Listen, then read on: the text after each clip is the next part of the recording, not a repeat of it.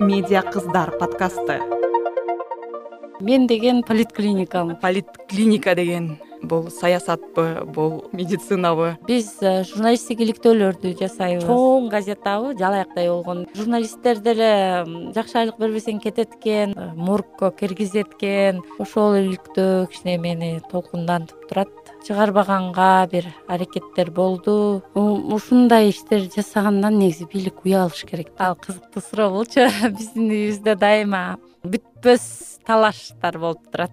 Жаным апакем алтыным апакем. Горизонт деген бишкек менен бүтпөйт